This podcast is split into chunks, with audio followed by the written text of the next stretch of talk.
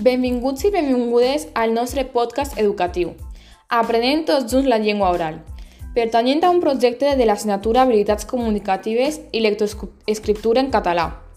Jo sóc Jessica Liana Dimitrova i avui us presentaré l'episodi Períodes de l'adquisició del llenguatge. Doncs bé, començarem amb una pregunta. Sabeu quants períodes podrien haver per adquirir el llenguatge? Doncs bé, són quatre, Quatre etapes molt importants. L'etapa prelingüística, l'etapa d'un mot o també anomenada holofràsica, l'etapa de combinació de mots o també anomenada parla telegràfica, etapa de productivitat parcial i, per últim, la competència adulta.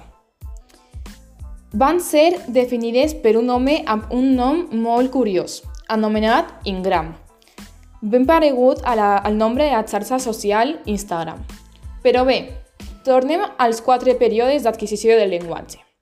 En primer lloc està l'etapa prelingüística, que abarca fins al primer any i mig, i es caracteritza per la, intera per la interacció social autoimpulsada i autorrecompensada.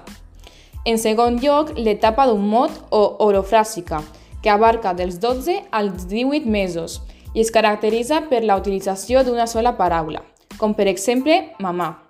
En tercer lloc, l'etapa de combinació de mots o parla telegràfica, que abarca del, dels 18 als 2 anys i es caracteritza per la utilització de més d'un símbol lingüístic, com per exemple mamà aquí. En quart lloc, l'etapa de productivitat parcial, que es dona entre els 2 i els 3 anys, on han avançat amb les paraules i els articles, però encara és massa prompte per a, per a conjugar gramaticalment i per aquest motiu poden sentir-se frases com les xiquetes juga. I ja més endavant es desenvolupa la competència adulta, a partir dels 3 anys, on comencen a expressar intencions comunicatives amb els recursos propis de la competència adulta.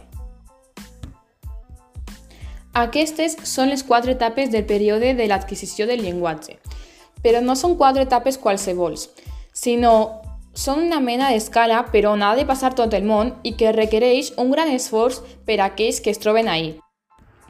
Però per això estem els mestres, per ajudar d'una manera divertida a superar qualsevol etapa.